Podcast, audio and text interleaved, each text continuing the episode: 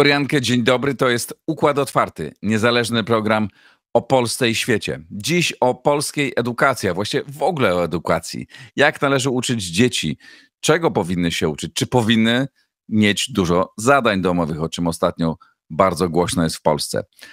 Bardzo serdecznie pozdrawiam wszystkich patronów. To dzięki Państwu ten program istnieje, dzięki Wam jest niezależny i takim pozostanie.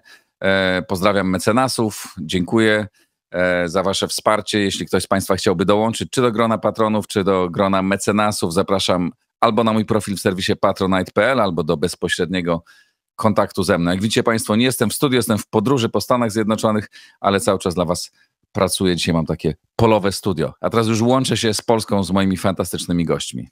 A oto mecenasi Układu Otwartego. E2V, firma, która zajmuje się sprzedażą zielonej energii w standardzie ESG. XTB, polska platforma inwestycyjna oferująca dostęp do instrumentów finansowych, bieżących analiz rynkowych oraz setek godzin darmowych materiałów edukacyjnych. Nowoferm, dostawca bram, drzwi i ramp dla przemysłu, logistyki oraz użytkowników prywatnych.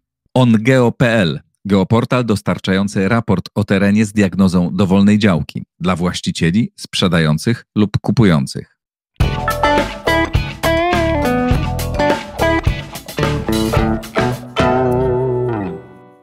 Tomek Rożek, Maciej Kawecki, witajcie. Dzień dobry, witam. Dzień dobry. E, czy wy uważacie, że należy zadawać zadania domowe dzieciom? Kto pierwszy? Tomek, ty to już zgłosiłeś się. na YouTubie, więc zaczynaj. Zresztą bardzo dobry. Na tak zadane pytanie nie ma dobrej odpowiedzi. Mhm. Bo po pierwsze, co jest zadaniem domowym? Wybaczcie, ale jako fizyk ja, po, ja lubię definiować zmienne, o których dyskutuję. Bo jeżeli ich nie zdefiniujemy, a później dyskutujemy, to jest spora szansa i niestety to bardzo często jakby jest źródłem problemów i źródłem niepotrzebnych emocji. E, jest spora szansa, że jak tu jesteśmy w trójkę, to każdy będzie mówił o, czym trochę, o czymś trochę innym. Więc sprawa pierwsza, co to jest zadanie domowe? Bo jeżeli zadaniem domowym jest absolutnie wszystko, co uczeń ma zrobić poza lekcją, poza 45 minutami e, lekcji fizyki czy języka polskiego, ok, to uważam, że zabranianie zadań domowych, czy zabranianie przypisywania wymagania zadań domowych jest ogromnym błędem, bo to w praktyce oznacza, że uczeń na przykład nie przeczyta żadnej lektury. No bo przecież nie czyta jej na lekcji. Że uczeń nie nauczy się chociażby czasowników nieregularnych z języka angielskiego. Jak to ma zrobić na lekcji? Że nie nauczy się tabliczki mnożenia, że nie będzie potrafił pisać dłuższych wypowiedzi. I tutaj stawiam tezę, jak ktoś nie potrafi pisać dłuższych form, to nie potrafi też konstruktywnie i wielowątkowo myśleć. Tego się trzeba nauczyć a my się tego uczymy na przykład pisząc formułowania wypowiedzi. To jest niezmiernie istotne. I to nawet teraz, albo jeszcze do wczoraj, kiedy można było takie rzeczy zadawać, ja bardzo y, liczę na to, że w przyszłości też będzie można zadawać do domu, mm, to to nawet w dzisiejszej szkole jest ogromny problem. Dzisiaj dzieci piszą formy dużo krótsze niż pisały w przeszłości. Jakie to ma przełożenie na ich zdolności komunikacyjne? Nie znam badań na rynku polskim, ale intuicja mi mówi, że ogromne. Więc kwestia pierwsza to jest zdefiniowanie, co zadaniem domowym jest, a co nie jest. Mam wrażenie, jeśli nawiązujesz do ostatnich e, informacji płynących z Ministerstwa Edukacji, e, że to nie zostało zdefiniowane.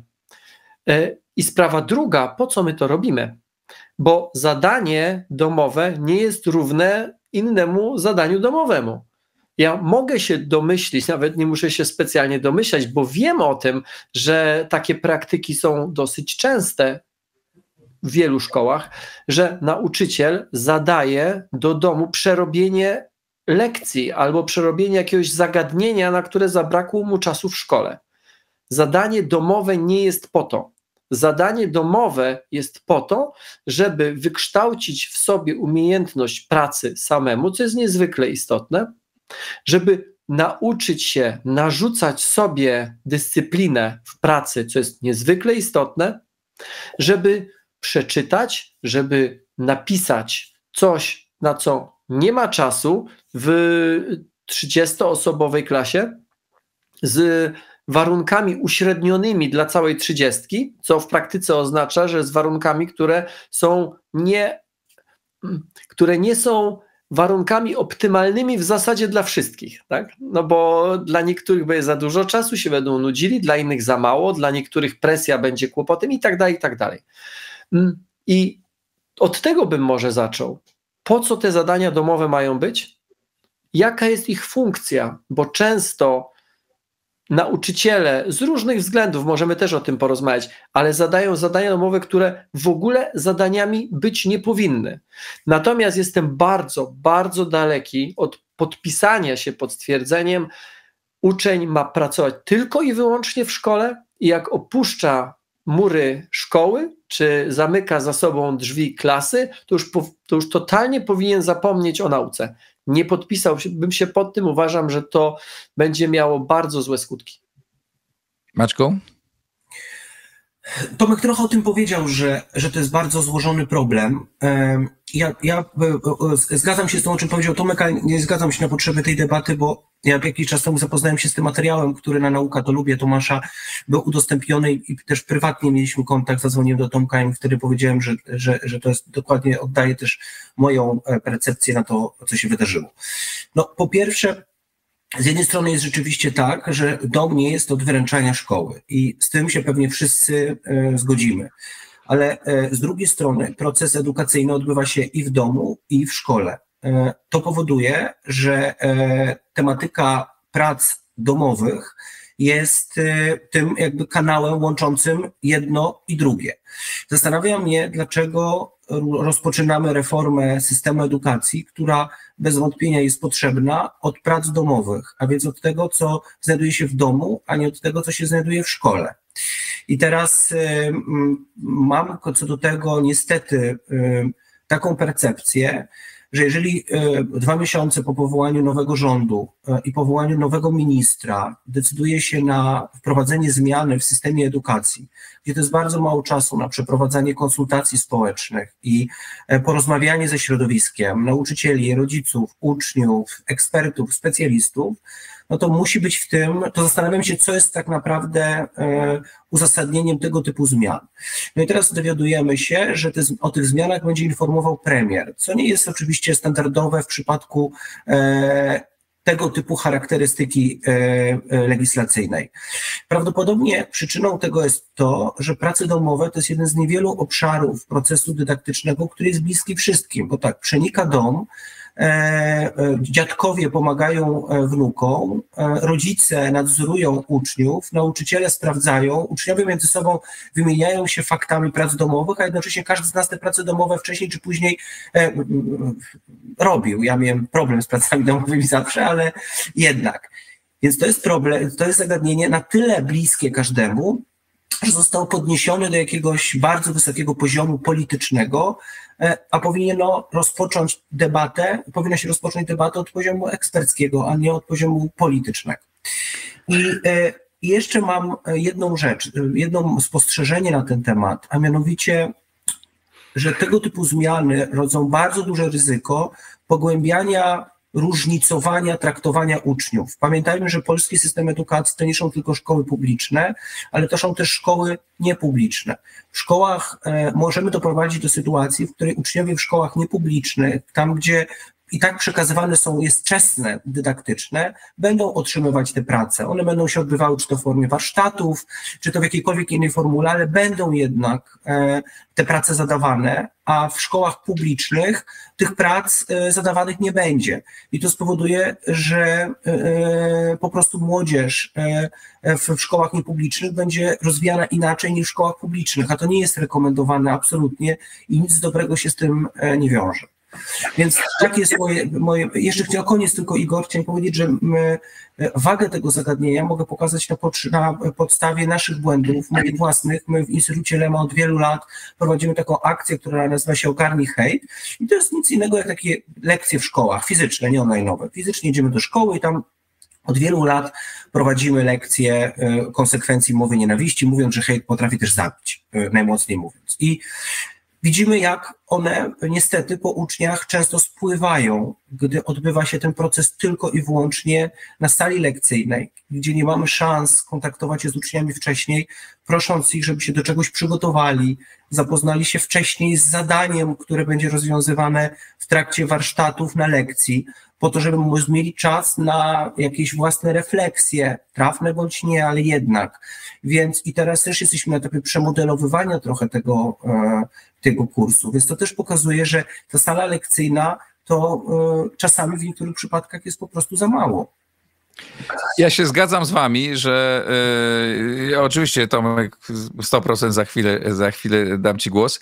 Yy, zgadzam się z wami, że to jest trochę tak od, od tyłu, tak żeby nie powiedzieć inaczej, yy, od której strony ta dyskusja się zaczyna, ale uważam, że to bardzo dobrze, że ona się zaczęła i rozumiem, że nowy rząd potrzebuje tam fajerwerków i jakichś takich gestów politycznych i rzeczy, o których będzie się mówić w domach, bo to prawda, jak mówi Maciek, prawda, że to ka każdy ma na ten temat pogląd, czy dzieci powinny robić zadania domowe, czy nie, bo każdy się z tym zetknął, ale uważam, że to jest bardzo dobry y, punkt wyjścia do tego, żebyśmy zaczęli dyskusję o tym, jak powinno, czego powinno się uczyć. Jeżeli to będzie początek takiej dyskusji, to przynajmniej tutaj ją e, e zacznijmy, to warto, bo ja mam przekonanie, że ten system, proces edukacji powinien wyglądać mocno inaczej niż wygląda dzisiaj. Chciałem Was zapytać, czego tak naprawdę powinniśmy dzisiaj uczyć w szkole dzieci? Bo ja się zgadzam z tym, że program jest bardzo przeładowany i często uczymy rzeczy niepotrzebnych, a nie uczymy tego, czego bardzo potrzebują, czy za mało uczymy tego, co potrzebują. Na przykład pisania, czytania dłuższych wypowiedzi, bo tu mamy jakiś zjazd nieprawdopodobny. Tomek. Teraz ja jeszcze mogę e, jeszcze dwoma możesz. zdaniami do tego. Są takie badania, które pokazują, one są międzynarodowymi badaniami, badania PISA, e, które pokazują e, skuteczność działania systemów edukacji w różnych krajach. Ta skuteczność w różnych krajach, krajów OECD, więc to jest 40 krajów, o ile dobrze pamiętam, z całego świata, ona od roku gdzieś 2000 regularnie spada z niewielkimi fluktuacjami dotyczącymi konkretnych krajów, ale co do zasady, co do, gdybyśmy tak uśrednili, to ona spada. Wśród krajów Unii Europejskiej, krajem, który najbardziej spadł w ciągu od ostatniego badania jest Polska. Ale Polska Rząd, jest ciągle wysoka bardzo. Wysoko Polska jest tak wciąż powyżej średniej, natomiast jest dosyć szybko pikująca w dół. E, tam się bada na kilku różnych poziomach. Te niektóre, powiedzmy, e, dane pochodzą od dyrektorów szkół. Wydaje mi się, że także od rodziców, i to jest badanie na 15-latkach, czy na uczniach w okolicy 15 roku życia. Mm, tam jest badane umiejętność czytania ze zrozumieniem, matematyka i nauki przyrodnicze. To, o czym powiedział Maciek, i teraz tak, te badania, one jasno pokazują pewne trendy ale one też pokazują czas, jaki dziecko spędza w szkole. Polskie dziecko, jeżeli chodzi o szkołę podstawową, nie spędza czasu w szkole dużo więcej niż średnia z krajów OECD. Przeciwnie, spędza dużo mniej. Polskie dziecko nie spędza na rozwiązywaniu zadań czasu dużo więcej niż średnia. Jesteśmy gdzieś w okolicy średniej. Tak, o ile dobrze pamiętam te dane, mniej więcej tyle samo Hiszpanie, ciut może mniej, ale to jest kwestia dosłownie pojedynczych minut statystycznie, Francuzi, Brytyjczycy i tak dalej. Natomiast to, co drastycznie różni sytuację u nas i w innych krajach, to to, że u nas nieporównywalnie częściej w tej domowej części edukacji biorą udział dorośli. Ci dorośli to niekoniecznie muszą być rodzice, to mogą być także korepetytorzy. W tak jak w innych krajach dziecko powiedzmy półtorej godziny dziennie średnio spędza na rozwiązywaniu zadań domowych i zwykle ono jest wtedy samo, to znaczy ono pracuje, ono dziecko, tak w Polsce w szkole podstawowej to jest w okolicy 50%, nie pamiętam teraz dokładnych danych, ale to był ten rząd wielkości. Około 50% tego czasu dziecko spędza z kimś. I to też jest bardzo ciekawe, to jakby głębiej gdzieś się tam w to wejść i poskrobać troszeczkę, a nie analizować tych statystyk tylko tak z wierzchu. E, ja poskrobałem trochę, sprawdziłem gdzieś tam głębiej, to ma i związek właśnie z tą umiejętnością przepraszam, i, tą, z tą umiejętnością pracy e, samodzielnej, ale to także wynika z tego, że dziecko w domu, w Polsce, dziecko w domu dużo rzadziej rzeczy powtarza, ono robi kolejną lekcję, ponieważ na lekcji w szkole nauczycielowi brakuje na to czasu. Tymczasem jego rówieśnik na tak zwanym zachodzie, chociaż to równie dobrze może być wschód, bo przecież krajów OECD jest no, na całym świecie, one są rozsiane po całym świecie, wtedy rówieśnik tego polskiego dziecka raczej powtarza. Mówię to po pierwsze, po to, żeby jakby potwierdzić to, co mówi Maciek, że to jest bardziej, to jest ukłon bardziej w kierunku dorosłych niż w kierunku dzieci. Ale też to potwierdza potrzebę refleksji ogólnie nad naszym systemem. Bo jeżeli system ma kształcić, e, no a taka jest podstawowa rola systemów, takich ogólnych systemów edukacji, jeżeli ma kształcić obywatela do tego, żeby ten obywatel mógł swobodnie funkcjonować w świecie, w którym będzie funkcjonował, a równocześnie na tej drodze w dużej części w tym funkcjonowaniu pomaga mu inny dorosły człowiek, to już na tym poziomie, patrząc tylko i wyłącznie w statystyki, wszystko nam mówi, coś tu grubo nie działa. I teraz na Twoje pytanie, to co zrobić, żeby zadziałało? Ja nie podzielam Twojego poglądu, że z którejkolwiek strony się zacznie mm, naprawiać, to samego faktu naprawiania już jest, już jest, e, już jest jakiś tam zysk, bo przynajmniej się zaczęło, bo wiesz, no jak ci zaczyna w samochodzie gnić próg albo, albo nadkole i ty zawozisz do blacharza i on ci mówi, wie pan co, trzeba by to całe wymienić, ale póki co, żeby ładnie wyglądało, przelećmy to szpachlą i przemalujmy. To rzeczywiście to na chwilkę będzie wyglądało na działanie i na naprawianie. Ale wiesz, ja mówię o tym, że to jest dobre, że zaczynamy dyskusję na ten temat. To miałem Ale na myśli. tą dyskusję, Igor, my zaczynamy po raz enty. My tą dyskusję prowadzimy tak naprawdę tyle tylko, że ta dyskusja czasami wypływa na powierzchnię, mhm. a chwilkę później w świecie, w którym funkcjonujemy, żywot y, tematów jest nader krótki. Chwilę później ona gdzieś tam nurkuje, co innego ją przykryje i znowu środowisko albo ludzie zajmujący się tematem będą o tym dyskutowali, a to nadkole będzie w środku gniło dalej. Więc ja jestem zdania, żeby, że rzeczy, żeby, jeżeli rzeczywiście je chcemy naprawić, jeżeli chcemy, a nie tylko chcemy pokazać, że naprawiamy. Jeżeli chcemy, to musimy je najpierw zdefiniować. Później musimy przegadać z ekspertami, no dobra, mamy taki i taki problem Powiedzcie, jak wy byście to zrobili. Ani jednego, ani drugiego nie było. Po trzecie, zabieramy się do roboty nie od strony tej z tyłu, tylko tej, od której powinno się zabrać.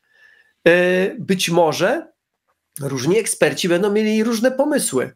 I tak, to nie jest zero-jedynkowa sytuacja, bo jak ty pytasz, jak powinien być skonstruowany, skrojony system edukacji, to na tak zadane pytanie nie ma odpowiedzi. Bo najpierw trzeba sobie zadać pytanie inne: a kim ma być ten człowiek, który przejdzie tą całą ścieżkę?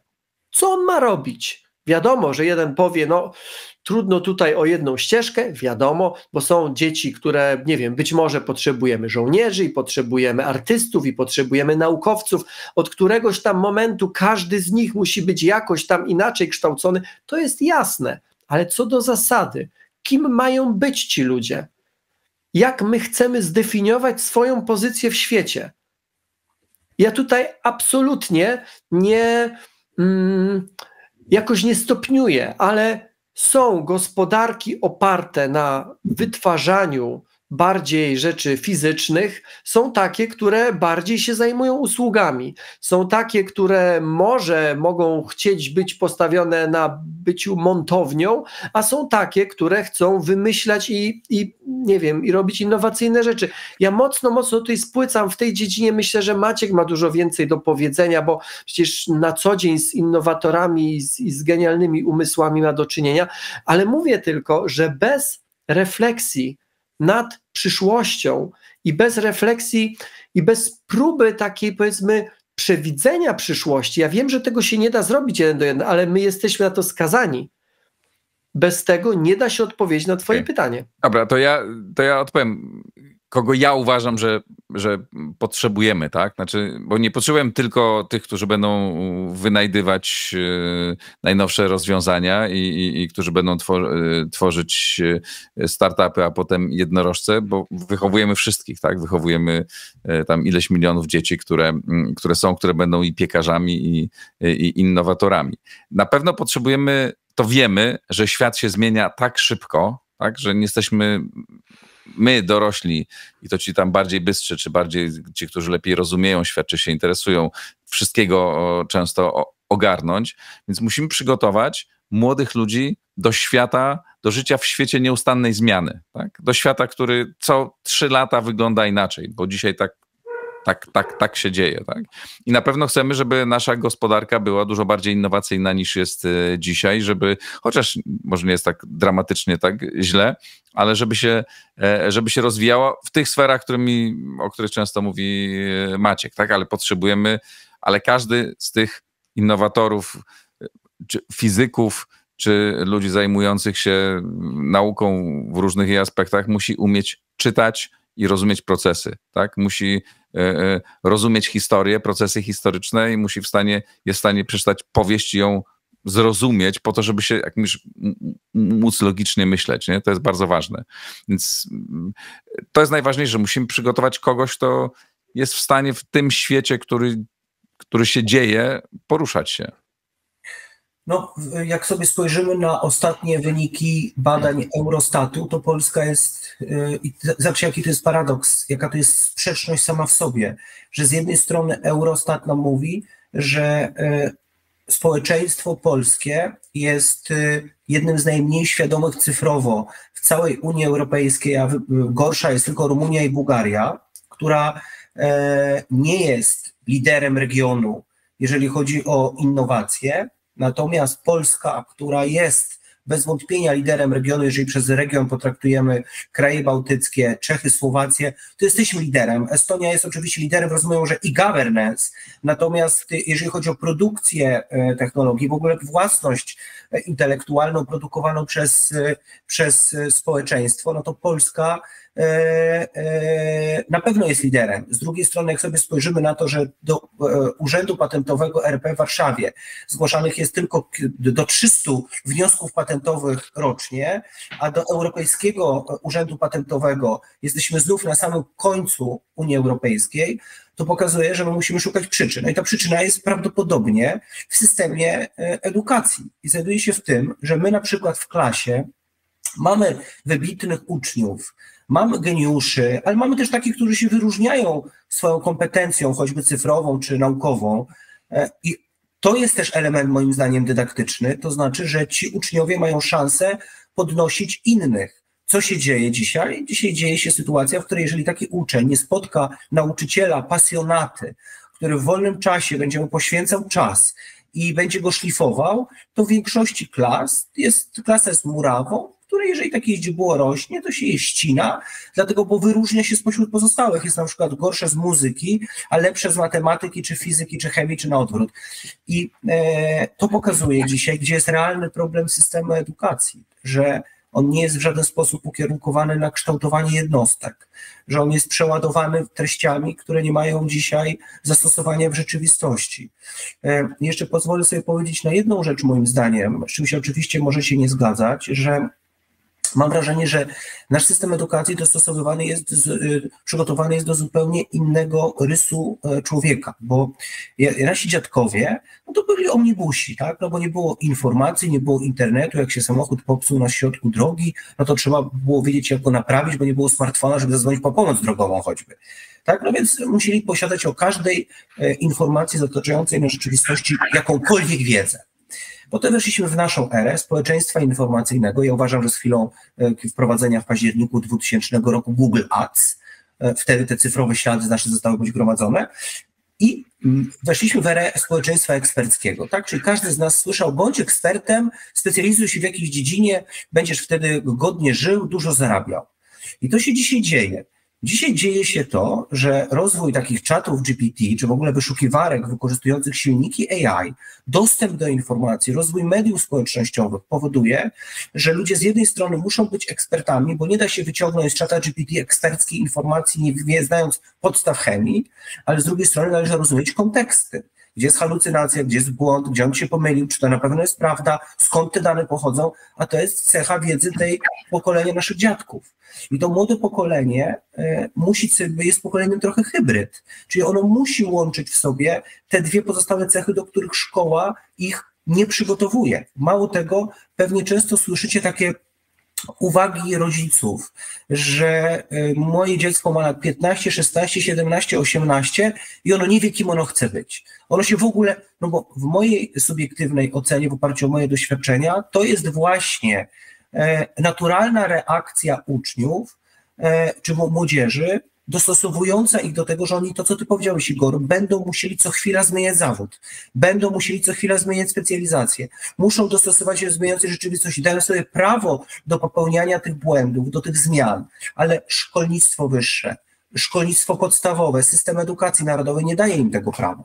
No dobra, ale to porozmawiajmy o tym, znaczy chciałem, żebyśmy pogadali o tym, jak, jak szkolić dzieci te w szkołach podstawowych, tak? No bo w szkołach podstawowych nie będziemy szkolić specjalistów, tak? To, tych dzieci musimy nauczyć podstawowych rzeczy. I tak jak, jest, wiesz? Dobra? To nie do końca tak jest, Igor, jak mówisz. Okay. No dobra, no to powiedzcie, to wyjaśnijcie mi, bo ja mam takie przekonanie, być może błędne, że w szkole podstawowej powinniśmy dzieci nauczyć tych podstawowych umiejętności, tak? Liczenia, czytania, tak. rozumienia i, i, oprócz te, i, oprócz tego tak. powinniśmy je uczyć biegać, yy, znaczy, że powinny e, dużo biegać, malować i, i grać muzykę, bo też, to też rozwija nie kreatywność. Z drugim, Igor.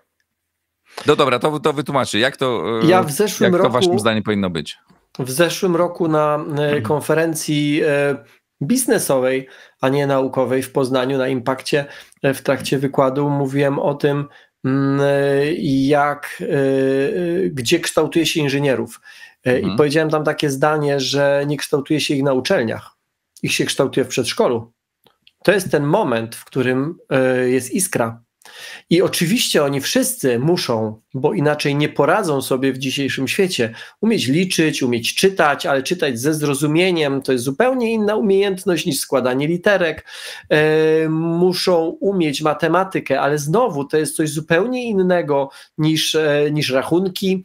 E, matematyka w polskiej szkole jest sprowadzona do pewnego zespołu reguł, regułek i bardzo rzadko zdarza się, że uczeń, który kończy matematykę, po całym cyklu e, edukacji, czy on, że on w ogóle wie, po co to jest. Tak? E, więc to też są jakby dwie, dwie zupełnie różne rzeczy, ale zupełnie inaczej uczy się tych podstaw, o których ty mówisz. Dziecko, które w przedszkolu ma tą iskrę inżyniera, ja mówię teraz bardzo, bardzo skrótowo, a zupełnie inaczej, gdy ma iskrę artysty. Co więcej, co to nie utrudnia, ale to powoduje, że cała ta układanka jest jeszcze bardziej skomplikowana. Dzieci mogą się fascynować różnymi rzeczami, a pewne fascynacje dopiero się krystalizują później.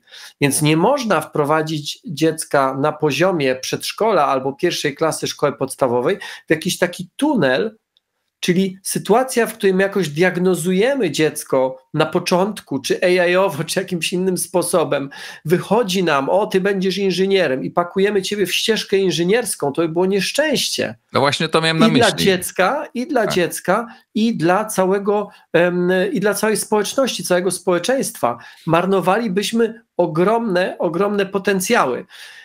Ja myślę tak, oczywiście jest kwestia znowu, tak jak z tym, z tym blacharzem, najpierw do przegadania z ekspertami, do przegadania z środowiskiem i do bardzo przemyślanego wprowadzania tej bazy. Co tą bazą ma być? Czy tą bazą mają być równania kwadratowe, czy nie? Czy tą bazą mają być e, imiona wszystkich królów Polski, czy nie? Nie wiem tego. To jest właśnie to, o czym powinniśmy dyskutować, ale jest pewna baza.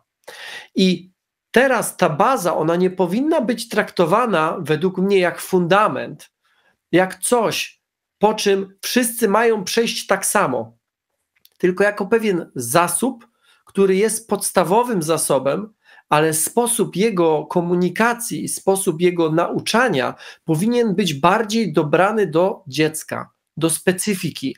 To, że ktoś w wieku lat 6 czy 7 ma na tym zupełnie podstawowym poziomie problemy jakieś z cyferkami, nie oznacza, że on będzie kiepskim inżynierem.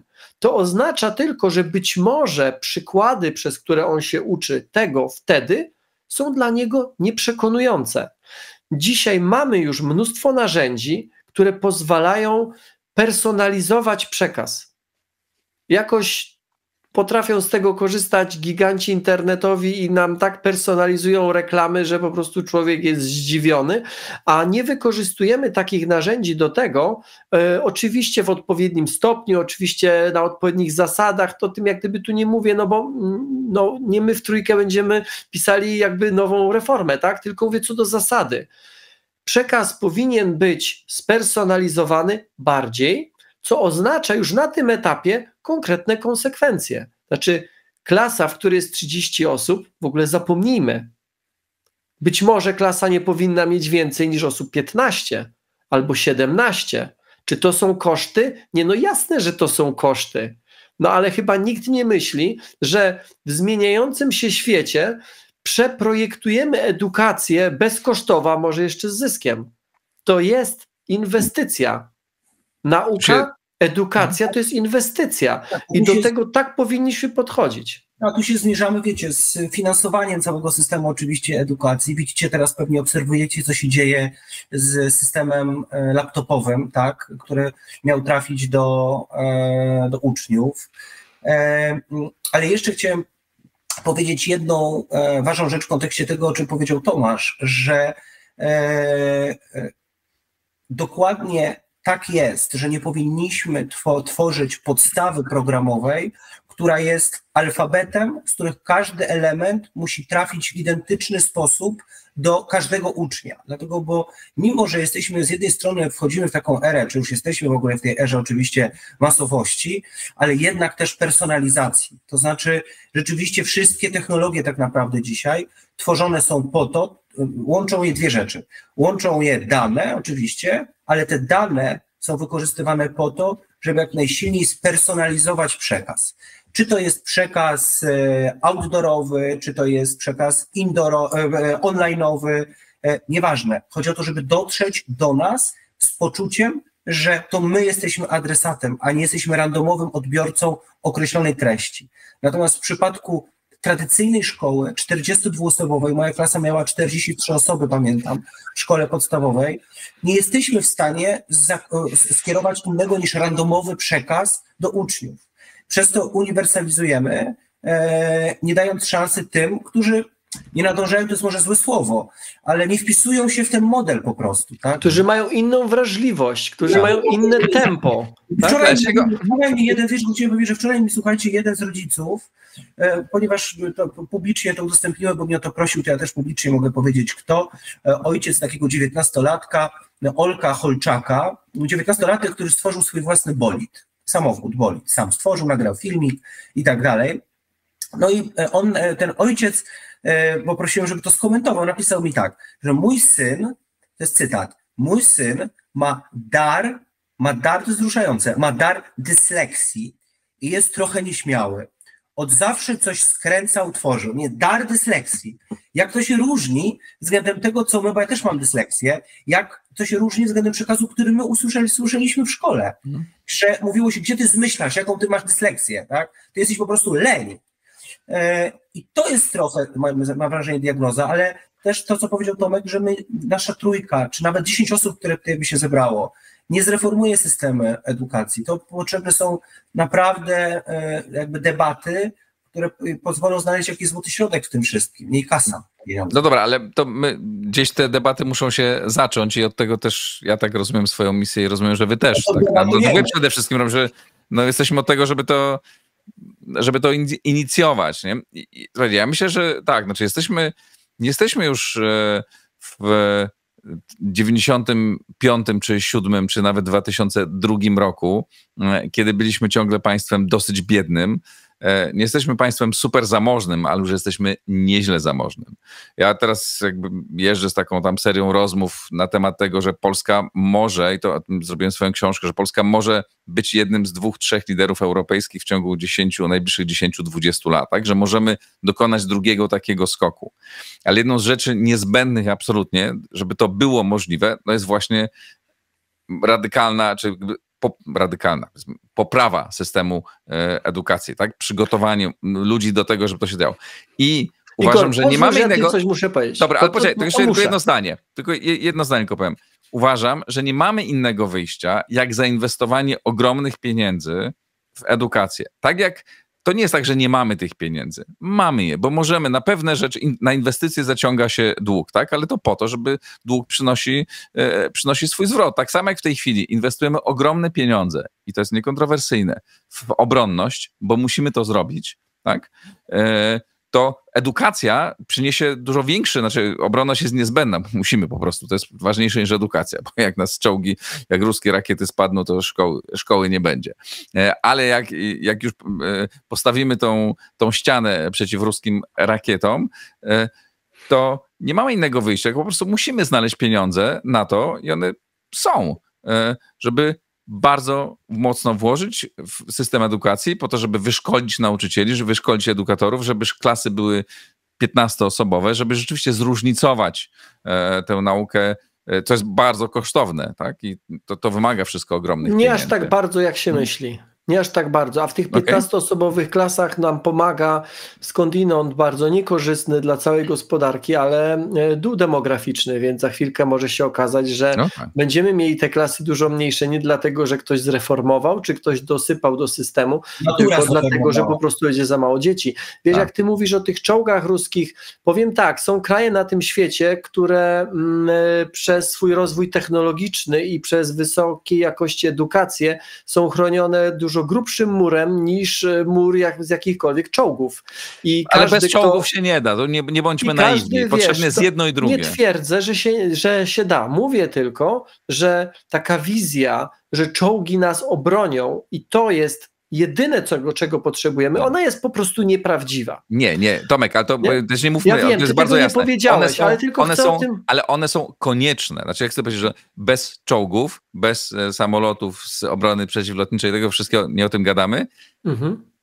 zginiemy. Tak? Znaczy, to, to jakby jest jasne. Ale, ale to, czy to wystarczy? Czołgi... Nie, to nie wystarczy. No jest tak, taka, słuchajcie, książka, ja zaraz wrócę, słuchajcie, do was i wam zaraz pokażę, a propos, która jakby trochę pokazuje tą percepcję Dobra. Okej, okay. Maciej wychodzi z kadru. Tak. E, chodzi mi teraz o to, że y, ty mówisz o, y, o tym, że trzeba to zrobić, a ja bym bardzo chciał, bo tego nie zrobimy, tego nie zrobimy, jeżeli nie z powodu pieniędzy, bo te pieniądze są. I to nie są aż tak duże pieniądze, jak mogłoby się wydawać. Nie zrobimy tego wtedy, kiedy nie wpiszemy kwestii edukacji na bardzo krótką listę rzeczy, co do których wszyscy się zgadzamy. I to, jest ogromny problem. To jest ogromny problem, że wciąż edukacja, nie tylko zresztą edukacja, bo dokładnie tak samo jest z ochroną zdrowia. Tego nie da się zrobić w ciągu jednej kadencji Sejmu to musi być rozpisane. Jeżeli nie będzie ogólnonarodowej zgody, czy ogólnopolitycznej, ogólnopartyjnej zgody, że są pewne rzeczy, o których nie dyskutujemy i paradoksalnie, choć nieporównywalnie więcej pieniędzy trzeba na te czołgi, czy rakiety, czy cokolwiek, tutaj ta zgoda jest. Bo mi się wydaje, wiesz co, patrzylibyśmy że... Mhm. na, wiesz, na naszą scenę polityczną, bardzo skłóconą i taką rozwarstwioną, to jednak w kwestii Rosji, Ukrainy, NATO nie było sporu. A w przypadku edukacji wciąż mam wrażenie, że poza deklaracjami, że to jest ważne, że to jest konieczne, to pozostaje tylko na poziomie deklaracji. Wiesz co, mnie się wydaje. tego nie zrobimy. Nawet gdybyśmy mieli 10 razy więcej pieniędzy niż możemy w to włożyć, nie zrobimy tego. To nie zadziała. Będą reformy w rodzaju przesuwania pionków i robienia dobrej miny do gry, w której każdy wie, że nic to nie zmieni. Wiesz co, mnie się wydaje, że za, za chwilę Maciek już ci dam, oddam głos. E, e, wydaje mi się, że gdyby któryś z liderów miał e, na tyle kochones i żeby powiedzieć o tym i żeby zaproponować to, to nie wydaje mi się, żeby wokół tego był spór. Bo spór będzie o tym, czy uczyć religii, czy nie. Tak? Spory będą wokół spraw ideologicznych. I to jest naturalne. To, że takie spory są, to, to one są i będą. E, natomiast e, moim zdaniem, gdybyśmy zrobili dzisiaj badania opinii publicznej, czy zgadzamy się na to, żeby wydać dużo, dużo więcej na edukację, a nawet, żeby podnieść tam, nie wiem, o 1% podatki czy coś, bo chcemy zreformować, zrobić najlepszy system edukacyjny na świecie, podejrzewam, że większość od lewa do prawa by się na to e, tak, no zgodziła, bo wszyscy mamy dzieci, tak? Albo jak nie mamy, no to jakby wiemy, że dzieci są ważne. Polega na tym, że takie pytanie powinno też brzmieć i na to już nie będzie odpowiedzi e, jednolitej, czy nauczyciele powinni otrzymać podwyżki. Jakbyś, czy powinni zarabiać więcej. No, zadał... to jest, dla mnie to jest oczywiste, znaczy to jest, Właśnie. oni powinni zarabiać dużo, dużo, dużo więcej. Do tego, o czym mówi Tomek, ja mam polecenie, lokowanie, ale jakby takie, no nie, po prostu kupiłem książkę, która jest rewelacyjna i tyle. E, e, polecam naprawdę. Wielki skok e, grupy Lazarus, czytałem ją całą tą noc i to jest to, o czym hmm. mówi trochę Tomek, a mianowicie to jest książka o Korei Północnej, pokazująca e, z czego tak naprawdę dzisiaj utrzymuje się Korea Północna, która jest odcięta od całego świata? Otóż Korea Północna utrzymuje się z własności intelektualnej, swoich własnych hakerów, to znaczy wyciągania pieniędzy z miliardów dolarów z banków, instytucji finansowych, e, studiów Hollywood, gdzie bardzo często słyszymy, że plan jest, jest sparaliżowany przez strajk, a tak naprawdę okazuje się, że plan jest sparaliżowany przez atak e, hakerski e, wywoływany przez Koreę Północną. E, jak e, opracowali mechanizm intelektualny zdolny do tworzenia superdolarów, które były lepsze niż oryginalne pieniądze drukowane w Stanach Zjednoczonych, czyli fragmenty banknotów były lepsze niż fragmenty oryginałów. To wszystko dzieje się własnością intelektualną, a nie czołgami. E, I to jest oczywiście kontrowersyjne, ale no, książka, która jest absolutnie dzisiaj bestsellerem. I to pokazuje, że rzeczywiście ta obronność to jest też nasz intelekt. To oczywiście, ale oczywiście, znaczy też uważam, że inwestycje, jeżeli dobrze to zrobimy, e, no niestety nie mamy tutaj wielkiej szansy na zrobienie tego bardzo dobrze, bo musimy robić to szybko, a jak się robi szybko, no ale tu trudno mieć pretensje do, o to do kogokolwiek, tak? Ale przecież rozwój systemu obronnego, systemu obrony no może być fantastyczną e, machiną nap, na, napędzającą e, innowacje, rozwój całego tym, kraju. Tutaj Tomek powinien odpowiedzieć na to pytanie, bo ma dużo większe doświadczenie, czy, ale ja mam takie odczucie, że tak jest, może się mylę. Czy to nie jest tak, Tomek, że w ogóle teraz mówimy o czymś, co się możemy nazwać modą na popularyzację nauki? Nie masz takiego poczucia? Powiem ci, czy ja to słyszę czasami i to pytanie też czasami pada.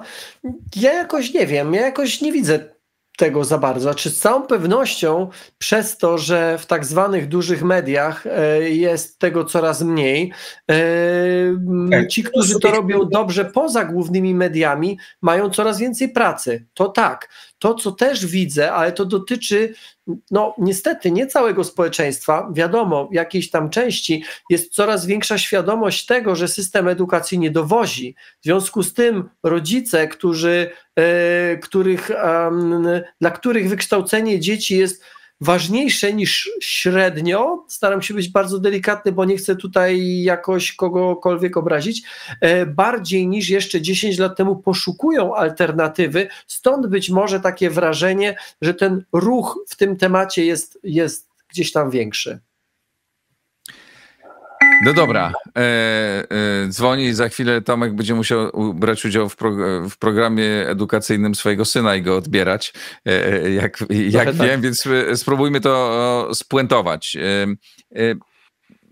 E, przyjmijmy, że jest wola, tak? Znaczy my namawiamy, rozumiem, co do tego się zgadzamy, że zgadzamy się, że w system edukacji trzeba zainwestować bardzo dużo, trzeba podnieść zarobki nauczycieli, to w ogóle nie ulega wątpliwości.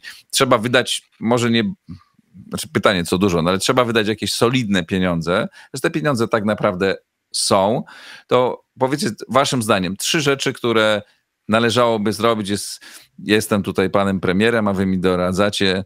E, e, podstawowe trzy rzeczy, od których trzeba zacząć taką myślenie o, o dużej reformie. No, a stworzenie zespołu eksperckiego zdolnego do tego, żeby stworzyć filary tej reformy, czyli od czego w ogóle zaczynamy, czy od zmiany podstawy programowej, czy od systemu finansowania uczelni, czy zmiany w ogóle ustroju, może sposobu zarządzania uczelniami, może ten system kuratoryjno-ministerialny, może on się nie sprawdza, może w ogóle powinniśmy zmienić sposób zarządzania uczelniami, może one, e, e, przepraszam, szkołami.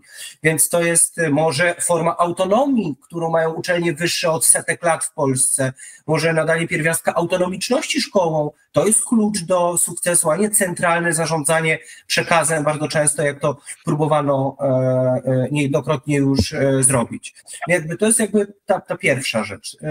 I on w niej się zawiera e, wszystko. Na pewno e, druga rzecz to jest e, filarem jest indywidualność, to na pewno się nie zmieni, czyli dostosowywanie tych dzieciaków do tego, że one muszą dostrzegać swoją indywidualność, wielkość, mieć siłę do, do życia w świecie, które będzie coraz trudniejsze.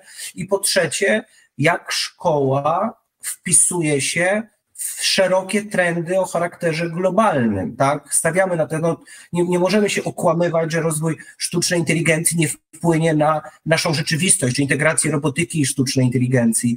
Jak e, nasza geopolityka też ma wpływ na to, wychowujemy jednak ludzi, którzy będą żyć w większości w naszym kraju, więc o, o określonym klimacie, o określonej kulturze, określonej geopolitycznej pozycji, po lewej stronie są Niemcy, po prawej jest Rosja, na dole Czechy i Słowacja i tak zapewne będzie. I to powoduje, że e, musimy sobie odpowiedzieć na pytanie, jak szkoła się do tego wszystkiego odnosi. Więc dla mnie to trzy. Reforma, e, czy system, który odpowie na pytanie, jak reformować. Dwa, indywidualność. I trzy, odpowiedzenie sobie na pytanie, jak szkoła zawiera, jak odpowiada na te wyzwania Polski jako takiej. To teraz moje, tak? Tak jest. Po, pozwólcie na pewną analogię. Ja dosyć dużo. Słucham? Ja miałem łatwiej, bo byłem pierwszy. Nie, w porządku, w porządku. E, pozwólcie na pewną analogię. Ja dosyć dużo żegluję i mm, jak stoimy w porcie i chcemy dopłynąć gdzieś tam, to pytanie pierwsze, jaką mamy załogę do dyspozycji? Jaki mamy jacht do dyspozycji? Więc kwestia tego, o czym e, powiedział Maciek, Czyli ustalmy może najpierw grupę ludzi, z którymi będziemy dyskutowali, z którymi będziemy um, cały proces, no właśnie, procesowali. Później jest kwestia, y, więc to jest sprawa podstawowa. Sprawa druga, gdzie chcemy dopłynąć? Gdzie jest ten nasz port? Nie mówię, że to ma być jeden, jedyny i choćby nie wiem, co się działo, się trzymamy, wbrew wszystkiemu tam płyniemy. Jak się projektuje, czy jak się planuje rejs, to jest port docelowy, ale jest port drugiego wyboru, port trzeciego wyboru, w zależności od okoliczności, które pojawią się po drodze. Jest sprawa trzecia, ustalenie. Jesteśmy w porcie, dopływamy do drugiego portu. Jaką strategię obieramy, żeby tam dopłynąć? To wcale nie jest oczywiste. To wcale nie jest oczywiste i to zależy od tej ekipy, to zależy od tego jachtu, to zależy od tego, gdzie ten port docelowy jest. I teraz dlaczego lubię tą analogię żeglarską? Dlatego, że będziemy płynęli po falach i będzie wiatr. Ten wiatr to są duże megatrendy, a czasami to są tylko takie podmuchy, chwilowe trendy. Żeglarz nie ma absolutnie żadnego wpływu na to, z której strony, z jaką siłą wieje wiatr. Natomiast żeglarz uczy się żeby dopłynąć do miejsca, do którego chce dopłynąć, mimo tego, że czasami ten wiatr jest niekorzystny. To jest kwestia konkretnej wiedzy, ale tej wiedzy, która jest przekuwana na y, strategię, co będziemy robili. Ta strategia musi być przy wypływaniu, ale ta strategia nie może być wyryta w marmurze. Ta kwestia umiejętności to także tego, że trakcie rejsu, w trakcie płynięcia, jeżeli wiatr zmieni kierunek, muszę mieć umiejętność zmienienia żagli. I to jest niezwykle ważne, bo jeżeli my nawet tak, tak narodowo się na coś umówimy i wykujemy to w marmurze, to tak naprawdę nie potrzebujemy kapitana, nie potrzebujemy ekipy, potrzebujemy robota, który będzie po prostu algorytm pewien krok po kroku realizował. To tak nie działa, bo świat się zmienia. W którą stronę się zmienia? Nie do końca wiemy, co będzie za 5 lat. Więc nasz system, nasz rejs musi być tak zaprojektowany, żeby przy jakiejkolwiek zmianie, żeby wciąż dopłynąć czy płynąć w kierunku naszego portu docelowego. W moim przekonaniu nie mamy ani tej ekipy, ani nie mamy zrobionego jakiego audytu, tak naprawdę czym jest nasz żaglowiec, czym dysponujemy, nie wiemy, gdzie jest port docelowy, mówimy tam, tam do przodu, tak? No ale co to tak, znaczy tam do przodu? Gdzie to jest? Gdzie to jest? Gdzie my chcemy dopłynąć? Jakie są porty docelowe? Już nie mówiąc o strategii. Bez tych trzech rzeczy lepiej z portu nie wypływać. Och, ale yy, yy, oczywiście, że to wszystko jest bardzo potrzebne, zgadzam się z tobą, tylko że jak nie wypłyniemy, to na 100% nic się nie zdarzy. E, Ale Więc tu o tyle tych... jestem bardzo gorąco namawiam, żebyśmy jednak wypłynęli e, i żebyśmy się, oczywiście, żebyśmy wypłynęli z głową i, i się do tej podróży bardzo dobrze przygotowali. Natomiast e, jak nie wypłyniemy, jak nie zrobimy nic, to na 100% nic się nie zmieni. Nie? Powiem ci Więc... tak, Igor. W życiu bym nie wypłynął z portu bez wcześniejszego sprawdzenia prognozy pogody, bez sprawdzenia, czy na e, jachcie mam wszystkich którzy są niezbędnie potrzebni do tego, żeby dopłynąć i bez, w, bez zobaczenia na mapę, gdzie jest mój port docelowy. Ale to jasna sprawa, musimy to wszystko zrobić, tylko namawiam do tego, żebyśmy nie powiedzieli żebyśmy sobie, nie, żebyśmy nie mówili, nie, no tego się nie da, bo po nie, prostu oczywiście, to jest że nie. Ja strasznie dużo rzeczy do tego zrobić. nie namawiam. To jest y, y, nie, y, i też żebyśmy unikali takich określeń E, nie da się, i tak nam nie wyjdzie, e, i tak ci młodzi to wyjadą z Polski e, i też bym tak mógł. Słuchajcie, w tym strasznym kraju, w którym nic nie wychodzi, mamy tak nieprawdopodobny sukces w ciągu ostatnich 30 lat, żyjemy w tak fantastycznym miejscu na Ziemi. Chodzi o to, żeby ono było jeszcze lepsze. I dlatego musimy się do tej podróży przygotować, o czym tak. mówili Tomasz Rożek, Maciej Kawecki i Igor Jankę. Dzięki Wam serdecznie, chłopaki. Dziękuję Dzięki. bardzo. Pozdrawiam. Dziękuję bardzo. To wszystko. Napiszcie Państwo te głosy, Wasze głosy na pewno będą bardzo, e, bardzo ciekawe, bo wszyscy mamy, wszyscy interesujemy się tym, czego uczą się nasze dzieci albo czego będą się uczyły nasze przyszłe dzieci. Piszcie, komentujcie, subskrybujcie, wspierajcie Układ Otwarty. Dzięki Wam ten program istnieje. Pozdrawiam serdecznie, do zobaczenia, do usłyszenia.